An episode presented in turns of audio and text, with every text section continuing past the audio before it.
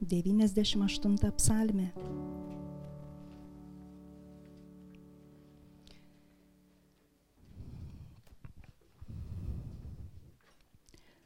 Naują giesmę gėdokite viešpačiui, nes nuostabius darbus jis daro. Jo dešinė ir jo šventoji ranka jam pergalę teikia. Viešpats apreiškė savo išgelbėjimą. Tautų akivaizdoje parodė savo teisumą. Jis atsiminė savo gailestingumą ir tiesą žadėtą Izraelio namams. Visi žemės pakraščiai pamatė Dievo išgelbėjimą. Džiaugsmingą triukšmą kelkite viešpačiui visos šalys. Linksminkitės ir gėdokite gyrių. Gėdokite viešpačiui, pritardami arfomis.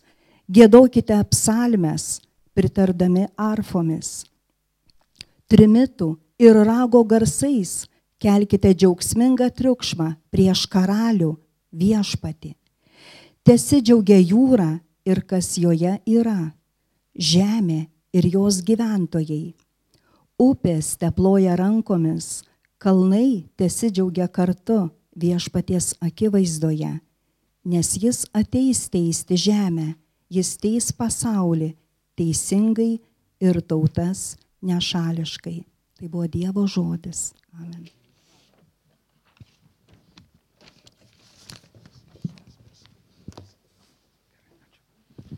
Pasimelskime. Dangiškasis tėvė, mes prašome, kad tu mums atvertum save per savo žodį, kai mes skaitome tavo žodį, kai ieškome tavęs, kai stengiamės tave pažinti.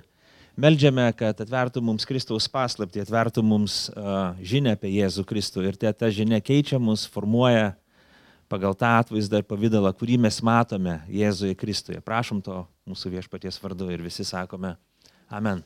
Gerai, brangiai, prisėskim kaip ir skaitėme psalmėje, psalmė skelbė neįtikėtiną gerą žinę. Kalėdos, Kristaus gimimas yra tikrų tikriausia nauja giesmė, kurią mes pradedame gėdoti, kurią viešpats mums įdeda į lūpas. Kristaus gimimas viešpaties įsikūnymo šventė. Tai yra, tai yra nauja epocha, nauja, naujas laikotarpis. Viskas prasideda iš naujo. Ir Nors mums tai istorinis įvykis, nors mums tai prieš 2000 metų įvykęs įvykis, bet tai yra nauja gesmė. Ir, ir kodėl? Nes viešpats atlieka ir apreiškia savo nuostabius darbus, kaip salme kalba. Uh, viešpats, viešpats rodo, kad mes džiaugsimės, kad džiaugsmas pripildys mūsų širdis, jeigu mes suprasim tos viešpaties darbus. Dievas apreiškia savo išgelbimą. Kristus atėjo į šį pasaulį ne tam, kad sukeltų sentimentus, ne tam, kad snieguotą, šaltą žiemą, mes turėtumėm gražią šventę, papildomų išeiginių, tiesa, šiais metais mums jų niekas neduos, tik tai vieną dieną, ne, nedaug dienų, taigi ne, ne tam, nes kai viešpats gimė, greičiausiai nebuvo sniego, tą dieną mes net nežinom, ar kalėdų dieną, Jėzus gimė tam, kad ateitų ir atneštų išgelbėjimo žinę, ateitų išgelbėjimo, atneštų išgelbėjimo galimybę tiem žmonėms, kurie patikės jį patį. Reikia jis apreiškia savo teisumą tautoms, pasauliui. Kiekvieną, kas patikė Jėzų Kristų, kiekvieną, kas patikė tą, kuris atėjo į šią žemę, kuris gimė ėdžiose, kuris gyveno teisų gyvenimą, tą, kuris ant savo pečių paėmė viso pasaulio nuodėmės, mirė ant kryžiaus ir prisikėlė, kad amžinai gyventų ir kad tie, kurie patikės į kiekvienam, jis duoda tą galimybę būti išgelbėtam ir išganytam.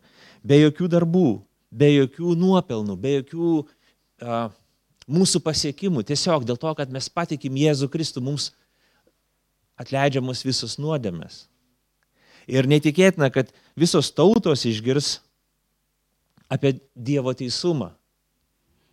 Tautų akivaizdoje parodė savo teisumą. Tautos pamatys, visos tautos. Eikit brangiai, mes esam kažkur pasaulio pakrašty. Mes vis galvojam, kurie gyvenam, gimstam, galvojam, kad esam pasaulio vidury ir, ir vaikas gimėsi, aug, augantis jis galvoja, kad ten, kuris yra ir pasaulio centras. Vaikams labai sunku suprasti, kad pasaulis egzistavo iki jo paties. Ir jie labai pyksta ant, ant tėvų, kai jie pasakoja istorijas dar iki jo gimimo. Nes jis galvoja, kaip čia tai buvo, aš neprisimenu tos istorijos. Pasirodo, pasaulis egzistavo iki mūsų. Pasaulis egzistuoja už mūsų supratimo ir mūsų gyvenimo ribų. Jeigu mes daugiau pakeliavom ir supratom pasaulio istoriją ir dabartinį žemėlapį, mes suprantame, kad esam pasaulio pakraštys. Bet kaip neįtikėtina, žinia apie Jėzų Kristų pasiekė tave ir mane. Ir mes turim galimybę girdėti, turim galimybę skaityti, turim galimybę išgirsti ir sureaguoti tą žinę, išganimo žinę, kad Jėzus Kristus atėjo šį pasaulį.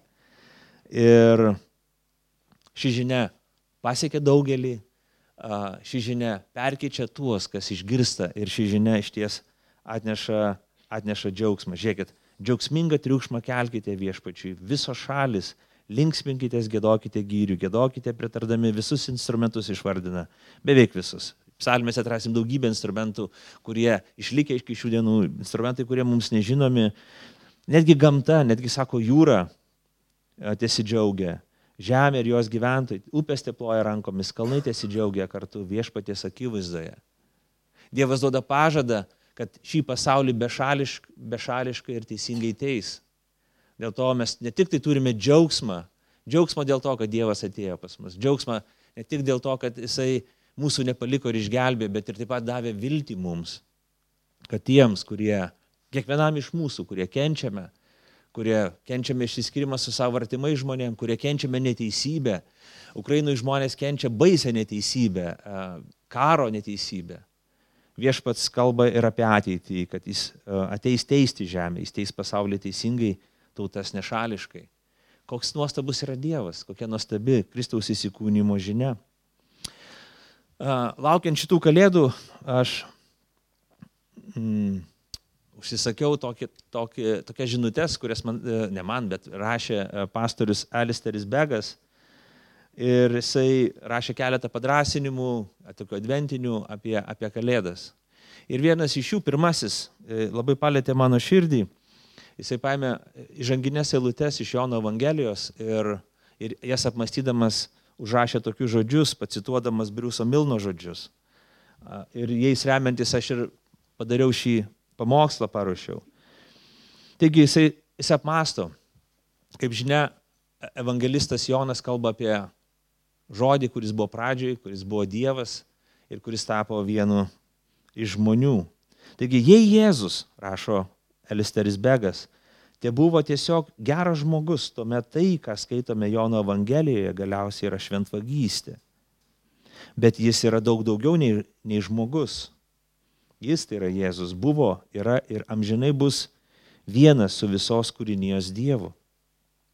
Turime suprasti žanginės Jono eilutes, kad iš, tik, kad iš tikrųjų suvoktume, kad kas yra Jėzus, kad galėtume Bruso Milno žodžiais teikti, be palievos jį garbinti, nedvėjodami jam paklusti, mylėti jį be išlygų ir nepertraukiamai jam tarnauti. Jei mums šiandien sunku garbinti, paklusti, mylėti ar tarnauti viešpačiui, štai atsakymas - įsižiūrėkime į jį. Kuo geriau suprasime, kad žodis gulėjęs ėdžiose buvo žodis, kuris buvo su Dievu ir buvo Dievas nuo pat pradžių, tuo natūraliau pamatysime, kad mūsų krikščioniškos pareigos virs, virs džiaugsmais.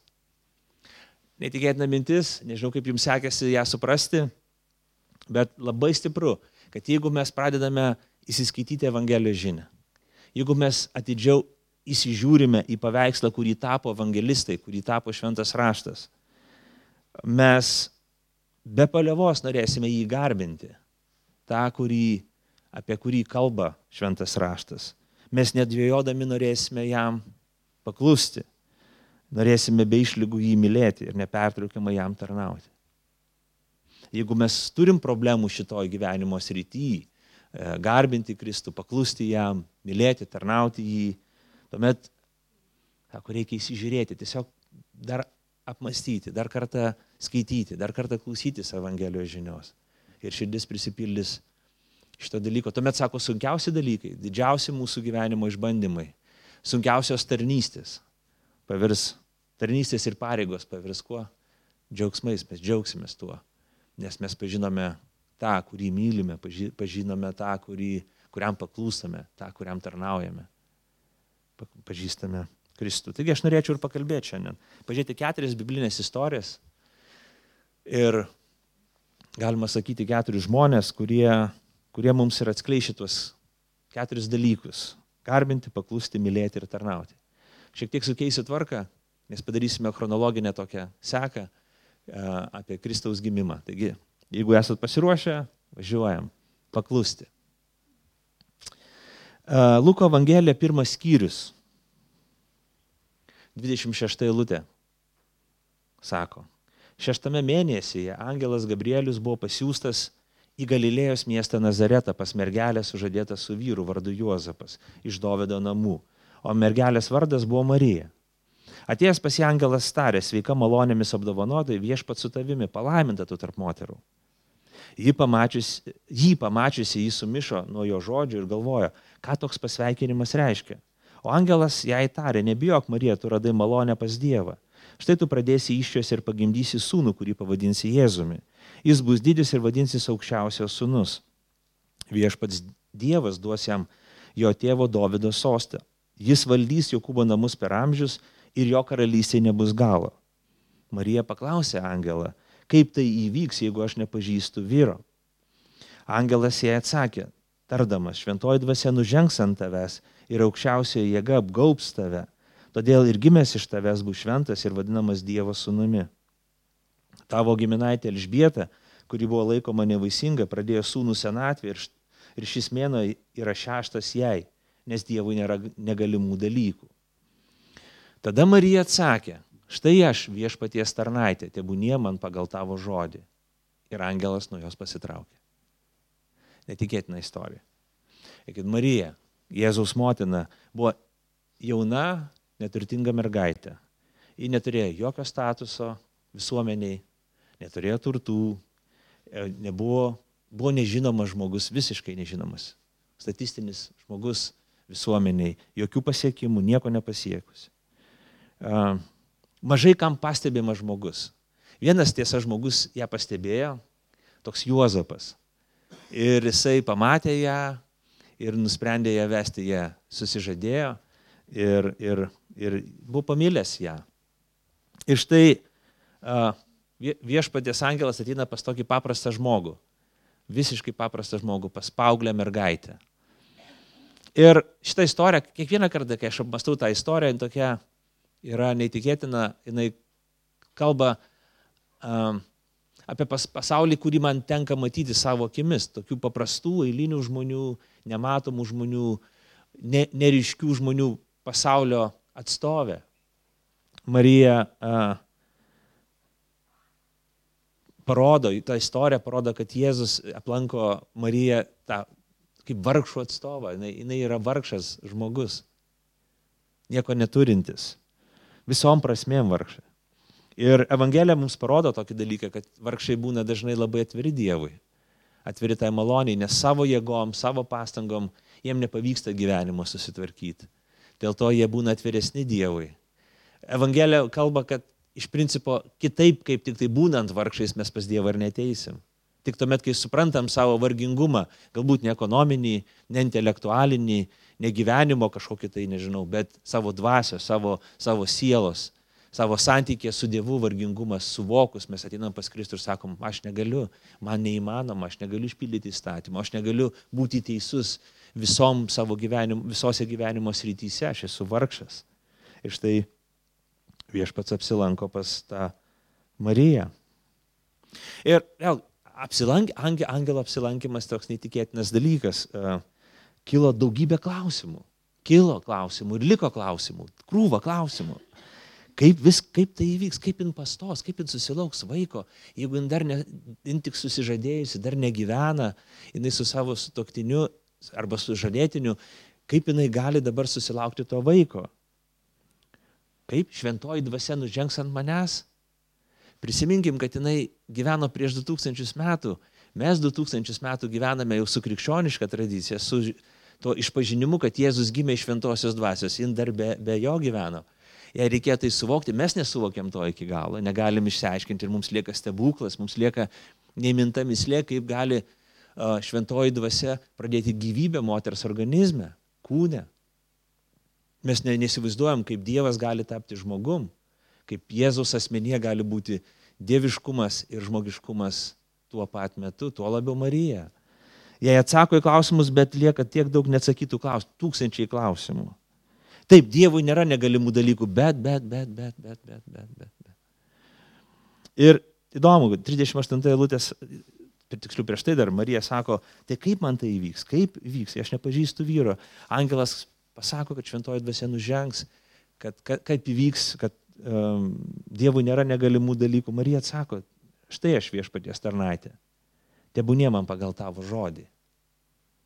Netikėtina, netikėtinas klusnumas. Netikėtina, kaip, kaip Marija paklūsta viešpačiui.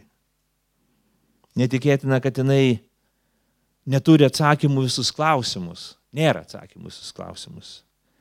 Neturi aiškaus žinojimo, neturi viso išdėlioto plano nuo A iki Z, visų punktų. Tos ilgos sutarties, kurią mes pasirašom bankuose ar kitose bendrovėse eidami darbus, su visais numatomais punktais, su sutarties nutraukimu nebuvo. Jis turėjo pasitikėti Dievu. Dievu. Taigi mes galime pasitikėdami Dievu, būti jam klusnus, vykdyti jo valią. Net tuomet, kai atrodo, kad tas klusnumas yra kvailas. Tuomet, kai tas klusnumas atrodo prieštarauja logikai. Net kai tas klusnumas atrodo prieštarauja mano patiems norams. Laimės suvokimui, kuris yra many, kurį suformavo man šeima, visuomenė, kurį tai pačiai nuojautai mano paties prieštarauja. Pasirodo, mes galime paklusti Dievui, Marija pakluso Dievui, net kai atrodo, kad tas klusnumas sugriaus visą gyvenimą. Pasižiūrėkime, juk taip ir vyksta. Marija, Angelas pasakoja jai apie tai, kaip čia viskas vyks, jai pamini Elžbietą, kuri jau yra nešia. Duoda užuominą.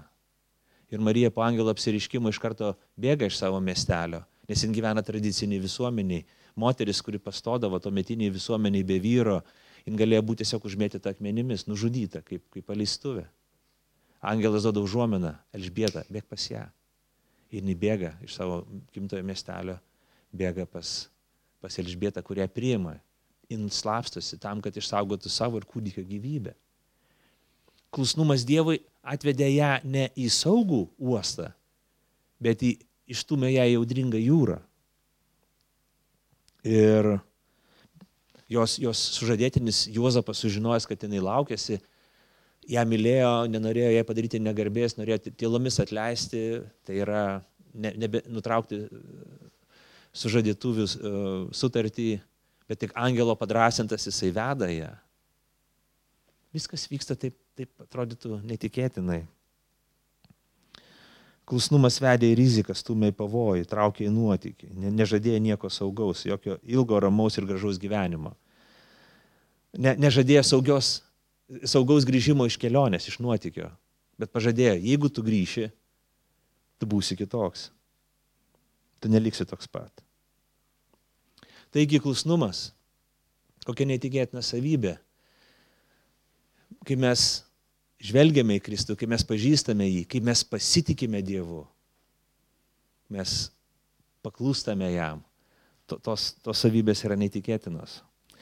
Antra istorija iš tos pačios Evangelijos, Luko Evangelijos e, antros skyrius, nuo 25 eilutės, kalbama jau, šiek tiek mes peršokam laikę, jau, jau Marija pagimdė kūdikėlį ir aštuntą dieną pagal žydų paprotį vesdavo berniuką į šventyklą apipjaustyti ir aukoti aukas už jį.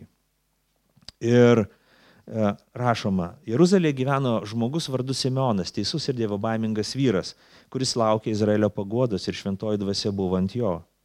Jam buvo preikšta šventąją dvasia, kad jis nemirsis, kol pamatysis viešpaties Kristų. Dvasios paragintas jis atėjo į šventyklą, įnešant tevams kūdikį Jėzų, kad pasielgtų su juo, e, kaip reikalauja įstatymas. Simeonas paėmė jį į rankas, laimino Dievą ir tarė, dabar mano valdovė, dabar valdovė leidi man kaip žadė, leidi, kaip žadėjai savo tarnų ramiai iškeliauti.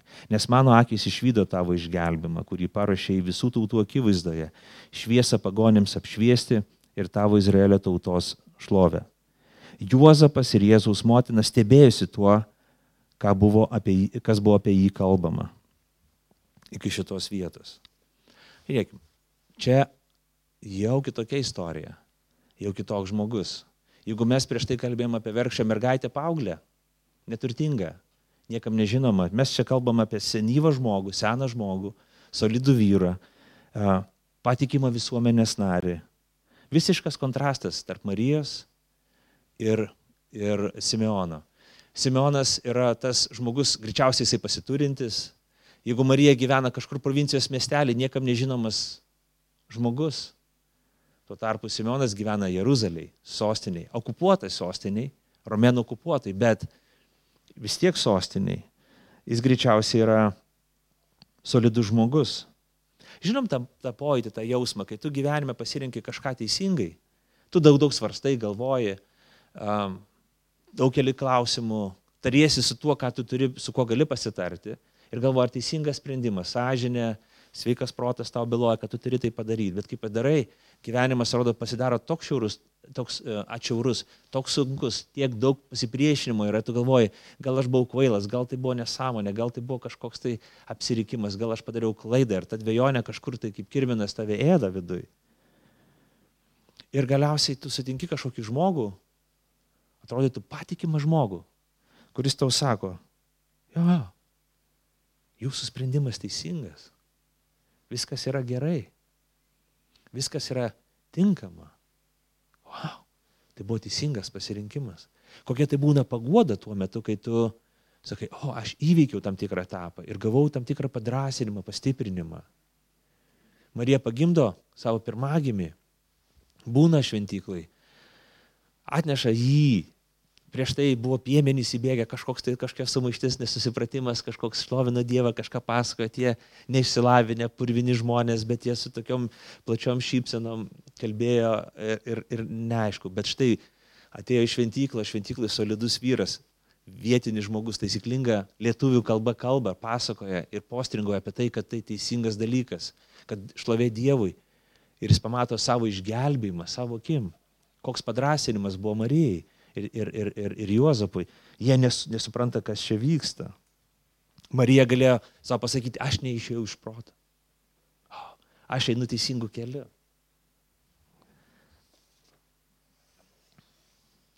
Žiūrėkim, Simeonas, labai įdomu, 29 e, eilutė sako, dabar valdovė leidė kaip žaidėjai savo tarnui ramiai iškeliauti.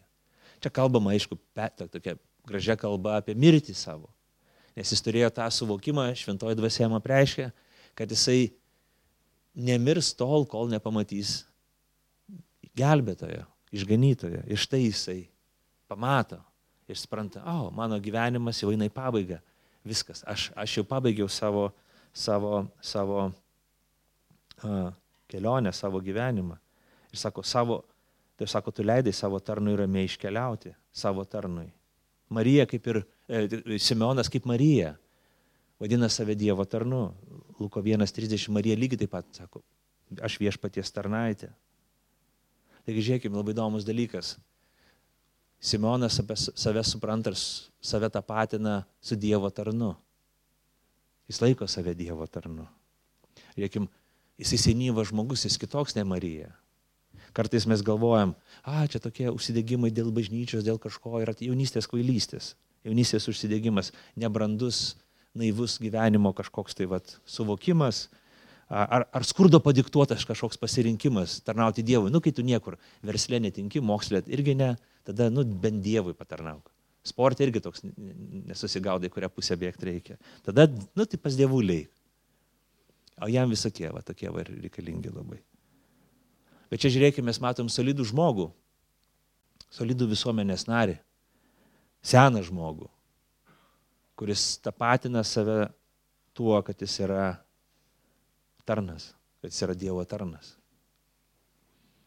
Jo tapatybė yra tarnas. Jis neturėjo oficialios pozicijos, jis neturi, nebuvo joks tarnautojas.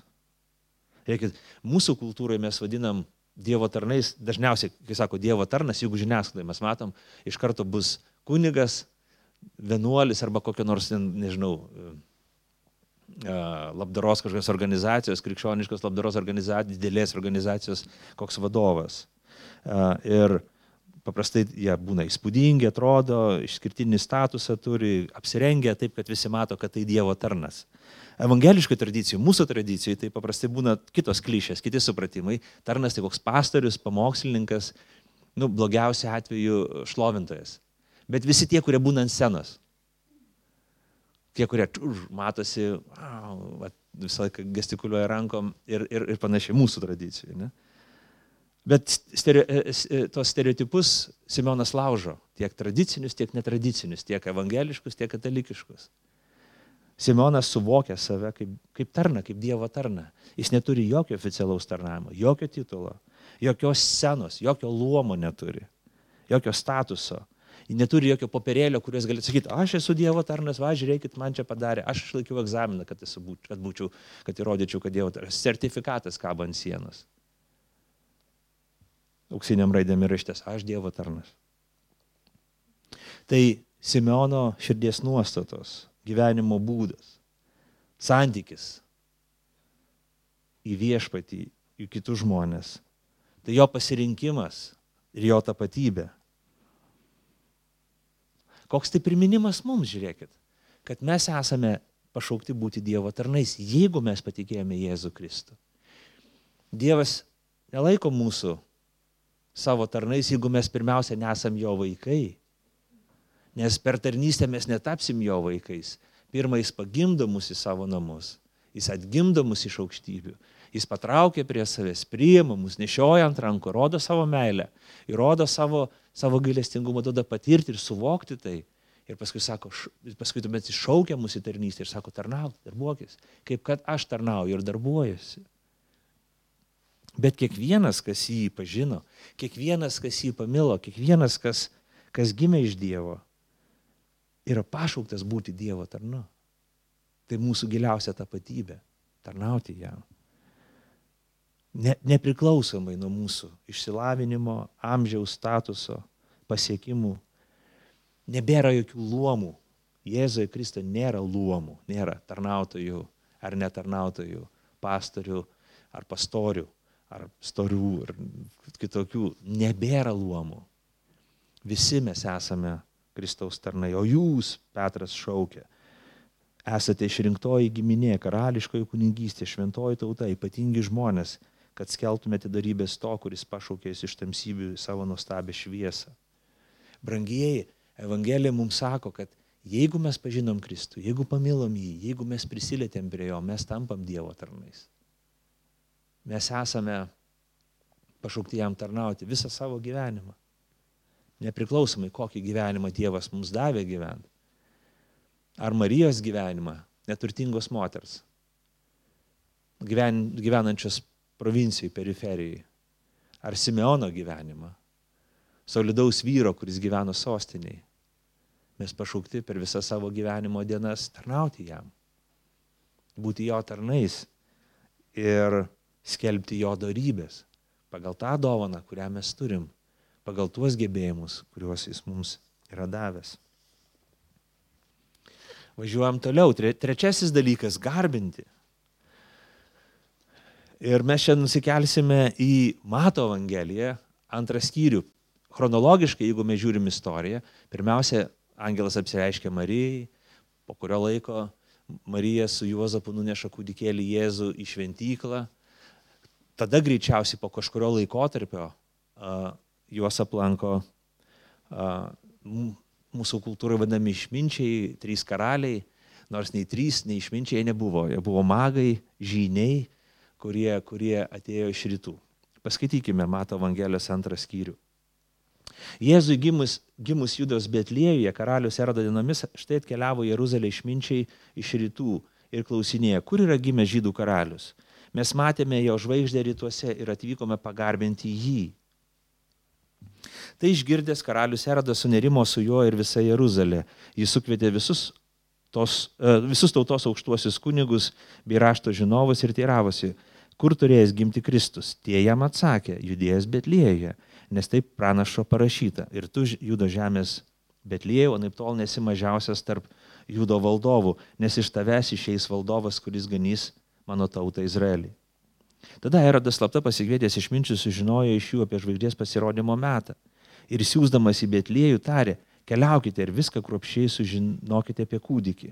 Ar radę praneškite man, kad ir aš nuvykęs jį pagarbinčiau. Išklausę karaliaus, išminčiai leidosi kelionėn. Ir štai žvaigždė, jie, kurią jie matė rytuose, traukė pirmą, kol sustojo ties ta vieta, kur buvo kūdikis. Išvykę žvaigždę, jie labai džiaugiasi. Įžengė į namus, rado kūdikį su motina Marija ir prapuolė ant žemės jį pagarbino. Jie atidarė savo brangenybių dėžes ir davė jam dovanų auksas, milkalų ir miros žiūrėkim, sąraš, mūsų sąrašas, istorija pildosi dar kažkokiais keistais žmonėmis, kurie mums visai nežinomi.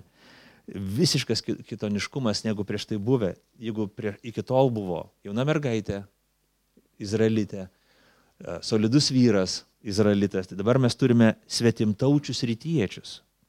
Originaliai jie vadinami magais. Tai magai. Bet e, jie buvo greičiausiai babilonietiškos kultūros, manoma, kad jie atkeliavo iš Babilono, tūkstantis, tūkstančio kilometrų kelionė atkeliavo iš rytų į, į Jeruzalę ir šalia esantį Betliejų. Tokie mokslininkai, dvasininkai, išminčiai, e, šamanai gal galima net būtų sakyti. Jis toks stiprus žodis magai, kad e, Biblijos vertėjai net nerašo magai, bet rašo gal geriau kokie išminčiai bus. O kultūrai tvirtino trijų karalių šventę. Mes nežinom, kiek jų buvo, trys ar, ar keturi. Nežinom tiksliai. E, Bet vėlgi, koks įdomus toks neortodoksinis sprendimas, kaip į Evangeliją patenka toks pasakojimas ir liūdimas, kai kažkokie žmonės, mes net nežinom, ar jie žydų tautybės, ar kažkokie tai uh, susilietė su žydų kultūra, ar jie tik tai matė tik tai dangaus kūną, tik tai žvaigždę. Istorikai, ne istorikai, fizikai sutarė su tuo, kad, ar astronomai sutarė su tuo, kad tuo metu, šeštais, septintais metais prieš Kristų, tuomet, kuomet ir gimė Kristus, uh, iš tikrųjų buvo didelė kometa, kuri ryškiai matėsi ir ilgą laiką buvo danguje matoma, regima. Ar tik tą dangaus kūną įskaitė, ar būt skaitė ir kažkokias senasias pranašystės, bet tie žmonės apsisprendė keliauti toli tūkstantį, tūkstančio kilometrų kelionę tam, kad pamatytų tą, kuris gimė, kad aplankytų jį ir pagarbintų. Nes kažkas, jie nujutė, kad kažkas ypatingo, kažkas lemtingo vyksta istorijoje.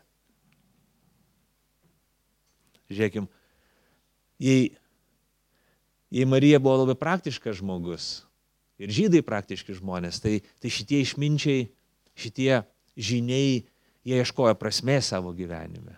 Jie ieškojo to, kas prasminga.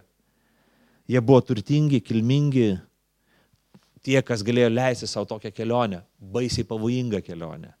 Nes, nes kelyje per dykumas tu galėjai pražūti akimirksniu, būti grobis plėšikams ir, ir visam kam. Beje, tai pirmieji krikščioniški piligrimai. O gal vieninteliai krikščioniški piligrimai, kurie buvo šitoje žemėje. Kaip Sabos karalienė keliavo pasiklausyti išminties pas Saliamoną, kaip Jetras keliavo pasižiūrėti, kaip sekasi Mozei. Taip dabar tie trys, ne trys, ar tradiciškai trys išminčiai, magai, karaliai keliauja aplankyti gimusio misijo, gimusio ypatingo žmogaus. Kaip jie turėjo nustebti? Jie nueina į Jeruzalę, į sostinę, nueina į valdovų rūmus ir sako, mes norim pasveikinti karalių. Erodas, kuris buvo ne, toks tipinis, tipinis diktatorius, baisus krūvinom rankom diktatorius, savo, savo šeimos narius uh, žudęs diktatorius. Jis permetė akim, aha, kas čia dabar vyksta, pas mus gimė kas nors, negimė, kur čia viskas yra. Jisai greit pasitarimą surenka, išsiaiškina, kur čia turėjo gimti ir sako, aš ir noriu jį pagarbinti.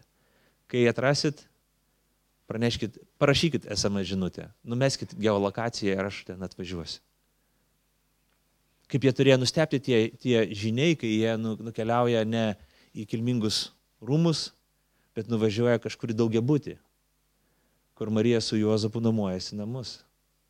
Neturtingi žmonės. Jie turėjo nustepti, galbūt prisiminti labai labai senas istorijas, kai Dievas pakeldavo kartais lyderius iš paprastų žmonių. Bet štai yra tas ypatingas, apie kurį dangaus kūnai kalba. apie kurį pranašystės byloja, kad tai ypatingas karalius. Ir kai jie jį atranda, jie jį pagarbina. Jiem nebuvo problemų. Žydams būtų problemos pagarbinti gimusi, o pagonim jokių problemų. Gali garbinti ir žmogų. Jokio skirtumo. Jam nebuvo problemų. Štai kaip viešpats padaro. Kad kartais bažnyčia, kuri Dievo tauta, kuri, kuri būna tokia užsispyrusi, būna aplenkiama kitais būdais, parodomas pavyzdys, kaip reikia elgtis su Kristumi. Ir įdomu tai, kad atneša auksos, milkalų ir mirus. Čia mes, galvo, mes, mes vakar buvom prie parkartėlės, e, e, panevižė centre esančios. Ir kas tas auksas, milkalai ir miros? Ta aukso dėžutė buvo pridėta monetų, tų pačių smulkiausių variokų lietuviškų. Ten bendrai sudėjęs būtų 40 centų. Ir galvoju, nu va, atnešė auksas, milkalų ir net nežinai, kas, žinot, kaip būna, kokį seną garažą turi montuoti, tvarkai, atrandi visokių rakandų, kokių nereikalingų ten. Tai auksas, smilkalai ir mira. Smilkalai tai nežinai, kur jas naudoti iki iš viso. Mira tai net nežinai, kas tai yra. Toksai bakas plastikinis ir galvo, kur čia išpilt kažkur, gal reikia priduoti, kur pavojingos atlikos, net nežinotum, kur naudoti. Ir kartais mes galvojam, atnešė kažkokių nereikalingų daiktų, kurie, kurių niekam nereikia, kaip dovanas per kalėdas. Žinot, gavo dovanų tokių per kalėdas, kurių neturėsite ten kur padėti. Iš pagarbos tiem žmonėm, kurie dovanoja, dar pasimavysit, kokį pusmetį palaikysit ant kažkokios e, palangės padėsite, paskui išmesite iš lydėžę ir galvodami, kam jie neša tas dalykus. Bet jūs po metų vėl pirksite tokius pat ir kitiems dovanosit ir gausit vėl dovanų ir tas gaunasi. Ir mes galvom, atėjo vat, pas Jėzų ir atnešė kažkokių, vat, nu va, iš, iš seno garažo dalykų. Bet iš ties, bet iš ties žiūrėkim, e, garbinimas tai, tai žvelgimas atvirom akim. Koks, vėlgi kontrastas koks atsiranda. Uh, dievo tauta, įgarsinimas vyksta, kontrastas kaip. Į vandenį mes reikia telefoną ir tada geriausiai išsijungia jisai. Bet paskui nebesijungia, jau sakė, kiek girdėjau. Viskas gerai. Taigi žiūrėkim, garbinti tai reiškia žiūrėti atvertomis akimis. Žiūrėkim, čia labai svarbus dalykas atvertomis akimis mes žiūrime į tai, ką matome. Ir jeigu mes matome dieviškus dalykus, mes tai, mes tai, žiūrėkime, koks kontrastas. Dievo tauta, kai gimė Kristus, nematė jo. Jėzus gyveno Betlėjuje. Viduriniai, laiptiniai ten, kažkur daugia būti, kažkur vietoje ten, kur gyvena paprasti žmonės. Ir niekas nepastebėjo. Šalia buvo Jeruzalė, tai išminčiai, tie, kurie pažinojo raštus, tie, kurie meldė ir laukė mesijo, tie, kurie tyrinėjo ir ieškojo visų ženklų, ar tik mesijas nepasirodė. Ir jie jo nematė. Štai atėjo žiniai iš rytų ir sako, va, jis jau gimė, bet jie tingi nukeliauti šešis km, iki berčiūnų tingi nukeliauti, pasižiūrėti, sako, tai jūs naikit ir duokit mums žinių. Nes labai toli iki berčiūnų, kalėdos toks metas, net netinkamas mums čia dabar keliauti ir panašiai, dabar šventės. Nu, jokauju, ne per kalėdas čia buvo atėję. Bet jie nemato. Įdomus dalykas, kad žiūrėkit, o svetimtaučiai magai, svetimtaučiai žiniai atvykę, jie regi, mato ir supranta. Jie supranta pranašystės, jie supranta ženklus, jie turi norą ir motivaciją nukeliauti tūkstančių kilometrų kelionę, kad pamatytų tą ir pagarbintų, kuris gimė. Dievo malonė atveria akis, kad mes galėtumėm pamatyti Dievo malonė atveria mums protus, kad galėtumėm suvokti. Dievo malonė mums duoda galimybę pamatyti Kristų. Be jos mes nematom, be jos mums tai kūdikis, be jos tai mums atistinis kažkoks tai vienas asmuo. O garbinimas tai yra žavėjimasis. Žavėjimasis tuo, ką tu matai. Garbinimas tai davimas. Auksas, milkalų ir miros. Tuo metu, tuo metu auksas, milkalai ir mira tai buvo e, brangiausia valiuta kilnojama valiuta, kurią tu galėjai turėti. Auksas, prekybinis dalykas, milkalai, mira, tai tai, ką tu galėjai parduoti, iškeisti bet ką kitą, bet kuriam pasaulio kampelį. Tai buvo brangiausia valiuta, kurią tu galėjai nešiotis. Ne piniginiai dalykai, bet būtent tokie, tokie, tokie turtai. Reikia, štai ko vertas Kristus, kai tu pamatai tą, tai, kas gimė, jeigu suvoki tai, kas gimė, jeigu suvoki, kas yra Kristus, tu sakai, o, jis vertas tūkstančio kilometrų kelionės. Jeigu tu pamatai ir suvoki, kas gimė, tu sakai, jis vertas Mano auksos, milkalų ir miros dovanų brangiausių, kurias aš galiu duoti šitam žmogui. Aš, galiu, aš noriu iškeisti visą savo gyvenimą į tai, ką atradau. Visą, ką geriausio, ką brangiausio turiu, aš noriu iškeisti į tai, ką aš sutikau. Tai yra garbinimas krikščioniškas garbinimas nėra tik tai giesmių gėdojimo metas, o jeigu tai giesmės, tai, tai nėra radio klausimas, tai nėra tik tai dainavimas, pra, laiko praleidimas arba veikla bažnyčiai, laukimas pamokslo. Kažką gėda, kol bus prasidės rimtoji dalis. Tai tikras santykis su Kristumi, garbinimas. Tai bendrystė, bendravimas, tai žvelgimas į jį, tai apmąstymas to, kuris gimė. Tai aukso smilkalų ir miros aukojimas. Brangiausia to, ką mes turim. Savęs. Savo širdies, savo minčių, savo valios aukojimas Dievui. Žiūrėkit, štai kodėl raštas mums sako, kad kai mes melžiamės, kai garbinam Dievą, kad keltumėm savo rankas į jį, nes tada mes pasišvenčiam jam. Žiūrėkit, garbinimo metu mes apmastom Kristaus tikrumą, realumą apmastom savo gyvenimą jo šviesoj. Suprantam, kad daugybė dalykų, ką mes darėm gyvenime, yra tuštybė. Daugybė mūsų veiksmų, mūsų ambicijų, mūsų ašarų, mūsų kovų buvo tuštybė ir vėjo gaudimas. Ir būnant prie Kristaus mums reikia atgailauti, išpažinti, kad mes neteisingai gyvenom, neteisingai elgiamės. Mes turim pasitvarkyti savo širdį, sakyti, ne, aš išeisiu kitoks, Ne, Kristus perkeičia mane. Aš apsisprendžiu atleisti, aš apsisprendžiu po, po garbinimo paskambinti savo artimajam.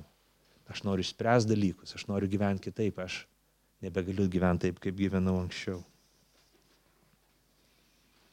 Garbinimas yra ne tik tai viena dalis gesmių gėdojimas, bet visas krikščionių gyvenimas. Aš žiūriu, laikas greitai bėga, aš, aš dar turiu vieną punktą pasakyti. Trečioji, tai ketvirtoji dalis, atsiprašau, tai yra mylėti, mylėti. Ir Simono Petro istorija, paskutinė istorija. Evangelijos pradžios mes nesuprasime, Kristaus gimimo nesuprasime, jeigu mes nežinosime, kaip jis pasibaigė. Kristaus įsikūnymą teisingai įvertinsime tik tuo met iš Kalėdų šventę, kaip suprasime, kaip pasibaigė Kristaus gyvenimas, kokia šlovė Kristus yra pašlovinamas ir kokiu kokia garbė jisai vainikuojamas. Tai kad jisai yra nukryžiuojamas ant kryžiaus už mūsų nuodėmes. Ir kad prisikelia tam, kad būtų pirmas prisikėlęs. Ir kad per tai paskui atgimdytų kiekvieną iš mūsų. Meilė Kristui gimdo Kristaus kryžiaus suvokimas. Niekaip kitaip mes nepamilsime Kristaus, jeigu mes ne, nepriartėsim prie kryžiaus, nepamastysim apie kryžių, jeigu mes nesuvoksim, kad Kristus numirė ant kryžiaus už mūsų nuodėmes. Dėl to jo, jo uh, Simono Petro istorija labai stipri, aš paskaitysiu. Jono Evangelija 21 skyrius nuo 15 eilutės. Papusryčiavus, čia jau vyksta įvykiai po Jėzaus prisikelimo. Jis nukryžiuotas ir prisikėlęs ir karts nuo karto pasirodo Čia kalbama, kad jau trečią kartą pasirodo savo mokiniams. Papusryčiavus, Jėzus paklausė Simoną Petrą. Simonai, Jono sūnau, ar myli mane labiau šituos? Jis atsakė, taip viešpatė, tu žinai, kad tave myliu. Jėzus jam tarė, ganyk mano vinėlius. Ir antrą kartą Jėzus paklausė, Simonai, Jono sūnau, ar myli mane? Tas atsiliepė, taip viešpatė, tu žinai, kad tave myliu. Jėzus jam pasakė, ganyk mano vis. Jėzus paklausė trečią kartą, Simonai, Jono sūnau, ar mane myli? Petras nuliūdo, kad jis trečią kartą klausė, ar myli mane. Ir atsakė, viešpatė, tu žinai viską. Tu žinai, kad tave myliu. Jėzus jam tarė, ganyk mano vis. Ir dar pridūrė 19 eilutėje, sek paskui mane. Taigi žiūrėkim, Tris kartus Jėzus klausė, ar mane myli. Ir čia mums reikia suprasti tam tikrą priešistorę. Jėzus nebėra kūdikis, bet suaugęs vyras, Jėzus jau pakrikštytas, gundytas, jau visai plačiai tarnavęs Izraelyje, galiausiai išduotas, suimtas, e, gėdingai e, nubaustas ir nuteistas, paniekintas, apspjaudytas, nukryžiuotas, miršta ir trečią dieną kelias iš numirusių. Simonas, vienas iš pirmų mokinių, kuriuos Jėzus pašaukė. Jis buvo iš to artimo, jis turi 12 paštalų, tai buvo ypatingi mokiniai, turi daugybę mokinių, vyrų, dar buvo moterų, buvo 12 mokinių, kurie buvo ypatingi mokiniai, 12 paštalų. Ir tarp jų buvo trys. Simonas Petras buvo vienas iš jų. Tikras lyderis, tikras vadovas. Spontaniškas, choleriškas kartais. Bet jisai iš širdies mylėjo Kristų. Ir visai neseniai šitų įvykių, kuriuos mes dabar skaitėm, aprašyti, kurie buvo Jėzos suėmimas. Ir tą naktį, kai Jėzus buvo suimtas, Petras nusekė paskui Jėzų, suimtą Jėzų į vyriausio kunigo namus ir stebėjo, kas vyksta. Ir aišku, Petras, būdamas tos choleriškas žmogus, jisai greičiausiai trūkčia kiekvieną kartą, kai Jėzų muždavo kareiviai, kai žemindavo jį. Ir vienu metu moteriškė tarnaitė sako, tu, sako, irgi buvai su Jėzum. Prisimenu tave, turgui mačiau kažkur. Sako, atstok boba, tu eigi šiandien, žodžiu, tu man čia trukdai. Jis net nepastebėjo, kad išsigynė Jėzaus dar kartą ir galiausiai trečią kartą. Simonas Petras baisiai žodis, kalbama, kad su keiksmais išsigynė Kristaus. Tris kartus. Lygiai taip, kaip Jėzus pasakė tą patį vakarą prieš išduodant. Petrai, tu tris kartus manęs išsiginsi dar šiandien. Ir trečią kartą išsiginus pragysta gaidys, skelbė rytą ir Jėzaus pranašystės išsipildymą. Ir tuo metu, kai gaidys pragysta, Petras supranta, kas įvyko ir pasižiūri Jėzų ir jo ir Kristus akis sueina kartu. Ir Petras e, mato Jėzaus akis. Petras pabėga laukam. Ir tai pasibaigia istorija. Jėzus nuteisiamas greitai, tą patį rytą. Nukryžiuojamas ir miršta. Mes nežinom, ar Petras buvo prie, prie kryžiaus nukryžiuo, nu, nukryžiavus Jėzų. Bet tai buvo paskutinis vaizdas, kurį matė Petras. Pas, paskutinis įspūdis, su kuriuo jis išsiskyrė su Kristumi. Jis tris su pusę metų vaikščiojo su Kristumi. Kartais išsišokdavo, kartais Kristus jį pagirdavo. Bet paskutinis išsiskyrimas buvo baisus ir tragiškas. Gėdingas ir žeminantis. Ir štai Jėzus pasirodo prisikėlęs ir, ir Petras, žinot, dviejopas jausmas, tu labai lauki, bet baisi gėlas, skausmas ir didelė gėda dėl to, kad aš negalėjau išpažinti, taip aš esu su Kristumi.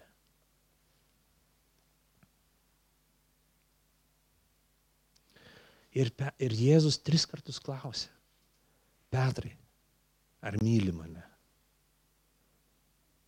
Petras sako, myliu. Petrai, ar myli mane? Petras sako, myliu.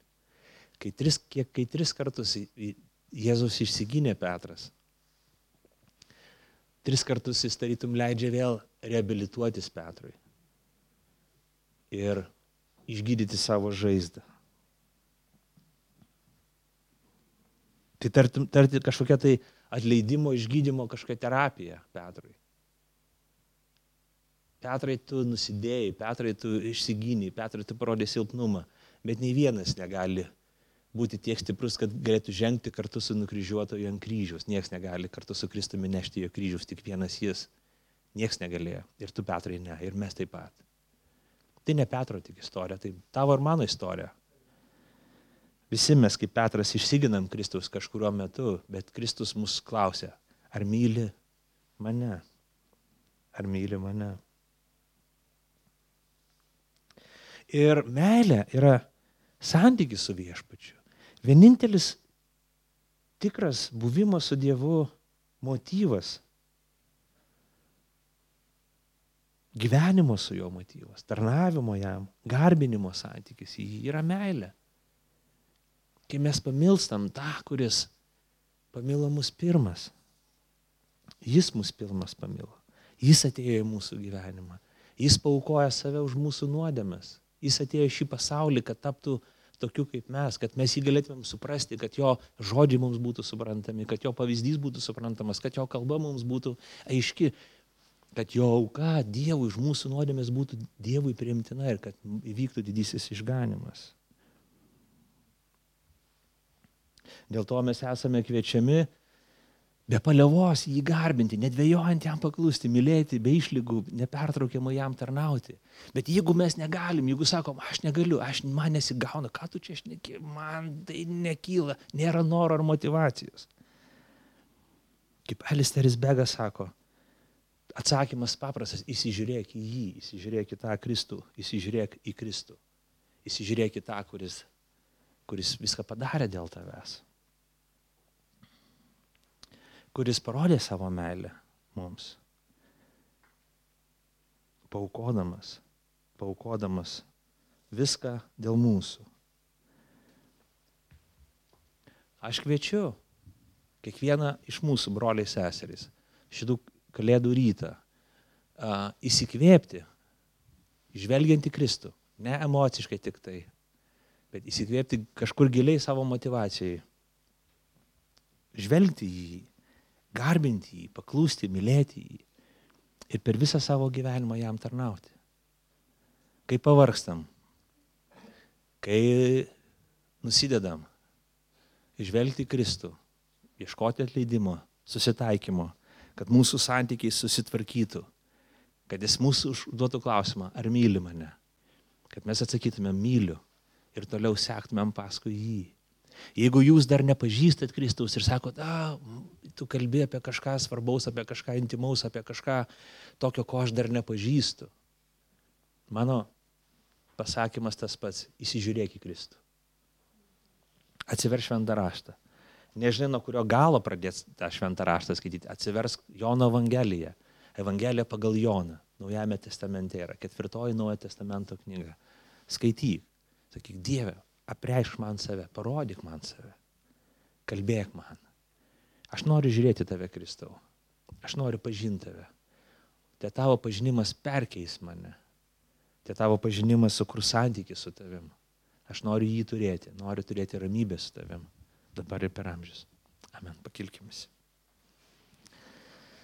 Dangiškasis tėvė, dėkojam tau šitą dieną, dėkojam už rašto liūdimą, už tiesą, kurią mes atrandame šventajame rašte ir viešpatie tą, tas nuostabės istorijas, kurios mus kviečia garbinti tave, paklusti tau, mylėti tave ir tarnauti tau viešpatie.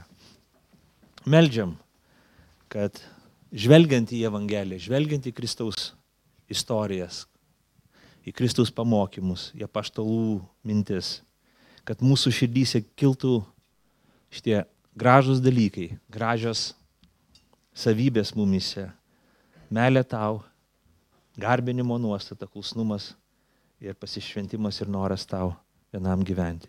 Meldžiu, kad savo gražų darbą darytum kiekvieną mūsų širdį, Dieve. Meldžiu už tikinčių žmonės, meldžiu už tuos, kurie ieško tavęs, meldžiu už tuos, kurie dvėjoja, meldžiu, kad kiekvieno akis būtų nukreiptos į tave. Te tavo malonė apšviečia akis, kaip tiems išminčiams, kaip tiems žiniams, kurie gyvena toli, toli rytuose. Tu patraukiai jų žvilgsnį Tu davėjams malonę, apšvietė į akis, kad jie matytų, suteiki supratimą, kad jie suprastų. Lygiai taip pat to meldžiu kiekvienam čia esančiam ir savo pačiam. Per Kristų. Amen.